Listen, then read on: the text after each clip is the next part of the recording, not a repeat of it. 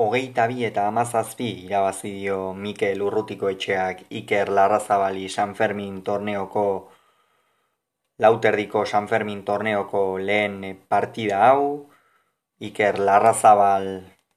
geuretzat favorito bazen ere, azkenerako Mikel Urrutiko etxeak pronostikoak hautsi ditu eta partida honen analisia egingo dugu. Urrutiko etxea eta Larrazabal, Larrazabal eta Urrutiko etxea, nor baino nor gehiago, alde batetik Mikel Urrutiko etxea, esperientzia handiko pilotaria, amala urte da profesionaletan badara mazkiena, eta naiz eta azken urte hauetan lauterdian edo buruz buru ezain beste nabarmendu beti gerra eta borroka egiteko prest dagoen horietakoa da aldiz Iker Larrazabal hiru urtetxo besterik ez, profesionaletan aurten hasi da pixkanaka pixkanaka elitean konsagratzen eta gainera buruz buru edo lauterdian gaurkoa zuen lehen partida konsagratutako pilotari baten aurka kasu honetan Mikel Urrutiko etxearen aurka. Partida haseran oso oso parekatuta hasi dira, larrazabal ikusi da, bizitasunik eragarriarekin hasi dela, baina gero sake bat e, utze egin du eta aldiz urrutiko etxeak sakearekin asko asmatu du. Eta hor egondagakoa sakean. Iker Larrazabalekain bat sake eraman gabe utzi ditu eta horrek min handia egin dio partidatik irtetera ekarri dio.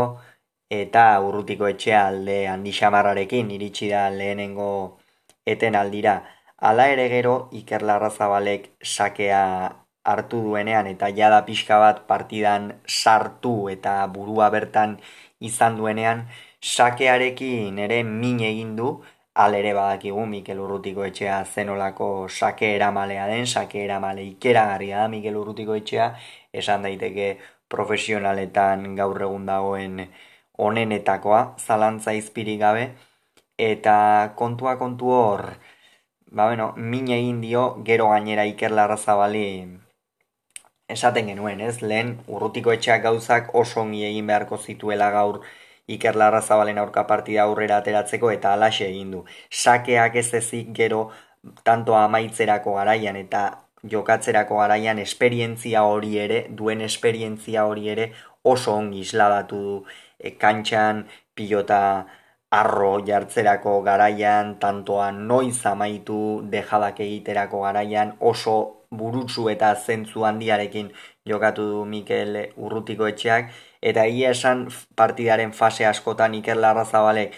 pilotari abiadura ematen bazion ere, aidean ibili du, aidean ibili du Mikel Urrutiko etxeak, eta benetan oso oso partida ipagarria egin du aurkoan zaratamarrak, eta horren ondorioz aldea pixkanaka pixkanaka irekitzen joan da, emezortzi garen tantura arte, Hor ordea Iker Larrazabalet takada oso aipagarri bat egin du esan dugu, sakatzen pixkanaka pixkanaka asmatzen ari zela egia da. Pare bat falta egin dituela, bat laburregi bestea luzeegi eta bi kantu horiek partidaren fase oso garrantzitsuetan, bat amabi eta seikoan aspaldiko parte zeigarren tantu hori egin duenean sake hori luzeegi egin du, eta hor pentsatzen genuen ez, kondenatu zegiokela, en, barkatu amasei eta zortzi urruti aurretik jarri denean, baina ez ez dakikildu e, fedea eduki du bere buruaren gan, tanto ederrak ere egin ditu esan dugu bizitasun horrek ematen dio askotan tanto ederrak egiteko, urruti ataka estuan ere eduki du une batean baino gehiagotan, eta hi esan naiz eta favoritotzat hartzen genuen, bat ere arrokeriari gabe zen favorito iker Larrazabal gaurkoan Mikel Urrutiko etxearekiko errespetu guztiarekin eh, noski eta gaurkoan ba, Mikel Urrutiko etxeak oraindik ere jokatzeko dagoela erakutsi du alde batetik buruz buru zein lauterdian eta bestalde batetik berriz esperientzia daukanak eta kantxan esperientzia hori erakuste baldin badu oso oso zaila da irabaztea. Hori gertatu zaio gaurkoan urrutiri positiboki beretzat Baina erne, baina erne urrutik ere dena ez du, ez du positiboa izan, izan ere hor sake batean kolpe txar bat hartu du. odoletan zeukala esan du ostean eite beri egindako elkarrizketa horretan, eta teorian bihar labriteko kartelean unai laso zen jarrita, unai laso gogoratuko dugu gaurkoan apendizitisetik operatu dutela eta kirolunea podcast honetatik noski gure animorik handienak, bizkarreta gerendiengo pilotariari, eta aldiz Mikel Urrutiko etxea zen nik uste jokatzekoa, hori zurrumurru hori zabaldu da bintzat, eta logika handiena horrek lukez, Mikel Urrutiko etxeak jokatzea, baina ez dakigu, ez dakigu atzamar hori bihar nola edukiko duen, berak ere esan du, ziur aski bihar goizean min handiagoa izango zuela, ez dakigu azkenerako baiko zeren aldeko autua egingo duen,